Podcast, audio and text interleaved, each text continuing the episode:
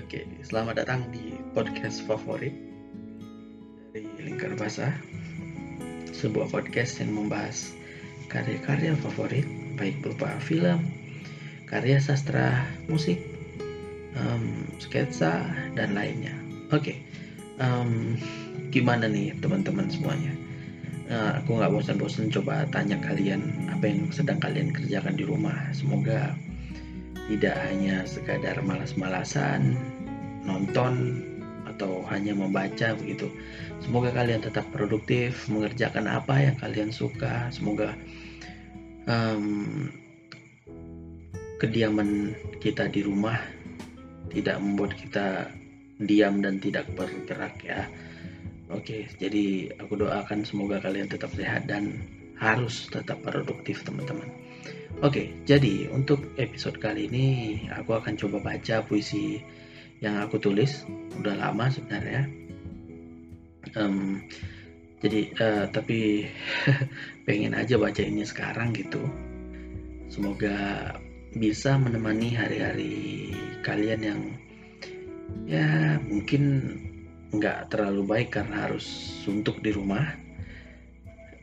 Tapi mudah-mudahan bisa lah dikit-dikit jadi inspirasi. Siapa tahu kalian ingin aktif menulis lagi di masa-masa pandemi ini. Oke okay, um, ada tiga puisi yang akan aku bacakan. Semoga kalian suka. Um, semoga ada sesuatu yang bisa didapat dari itu. Dan oke okay, selamat menikmati teman-teman. Ini dia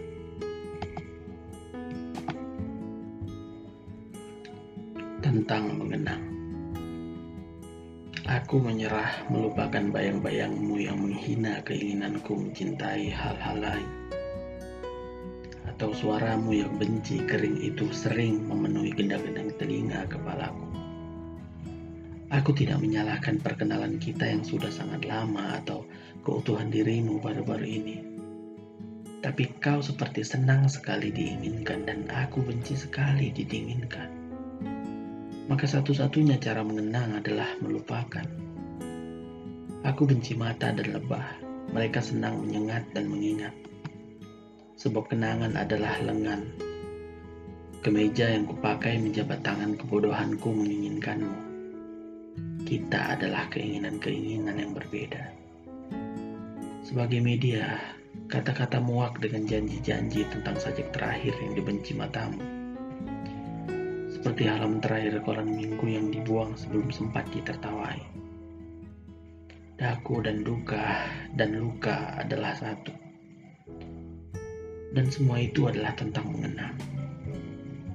Maka hilanglah.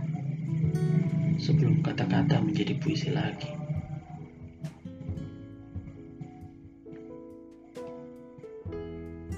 Perihal Aku ingin menjadi beberapa hal yang kau lihat ketika pertama kali terbangun dari tidur yang sebentar. Langit-langit, kain jendela kamarmu, atau kotak tisu yang menampung semua kesedihan dari matamu yang mudah bengkak. Atau beberapa hal lain yang tidak sadar senang kau perhatikan. Aku senang membayangkan melihatmu terbangun dan merapi-rapikan rambut tidak panjangmu dan ribut soal tidak ada baju di tumpukan baju-bajumu Aku ingin menjadi beberapa hal yang pertama kali kau ingat ketika melakukan hal-hal sulit sebagai seseorang yang belum dewasa. Seperti kau yang selalu ku kenang ketika pulang atau satu-satunya senyum yang menolak untuk dilupakan. Aku ingin menjadi beberapa hal bodoh yang kau lakukan ketika jatuh cinta. Barangkali mencintai kenanganmu tersenyum kepadanya atau membengkakkan mata-matamu dan berhenti tertawa banyak Aku ingin menjadi beberapa hal dari seluruh kata-kata yang kau ucapkan dengan baik atau tidak lagi baik. Aku ingin menjadi beberapa hal yang disentuh jari-jarimu ketika mengusap mata-matamu yang lentik atau menutup mulutmu ketika menguap dengan jari-jarimu yang cantik. Aku ingin menjadi beberapa hal yang senang kau kunjungi dengan wajahmu yang suka pamer. Aku ingin menjadi inti puisi yang kutulis untukmu Puisi-puisi yang kutulis untuk memeluk bayang-bayangmu yang benci kusuruh pergi lagi dan lagi. menutup perjumpaan. Ada yang ingin aku sampaikan. Kekesalan dan kesesalan. Aku di antaranya. Aku benci melihat. Melihat artinya mematahkan hati. Dan sudah beberapa kali. Puisi ini tidak ada di mana-mana. Selain di hatiku dan di bibirmu yang gemar senyum. Maka bacalah. Aku tidak ingin ini seperti puisi-puisiku yang lapuk di matamu yang gemar berkantung. Dan ini adalah puisi terakhir yang terakhir. Pergilah. Aku tidak ingin patah lagi. Oke. Mari berharap kalian tidak berharap aku akan mencoba menjelaskan puisi yang aku tulis sendiri karena itu akan hmm, lumayan aneh lah karena kan puisi setelah dilempar karya sih setelah dilempar ke publik itu bukan lagi milik penulisnya atau pekaryanya gitu. Oke, jadi aku harap kalian bisa menginterpretasi puisi tadi. Ada tiga puisi.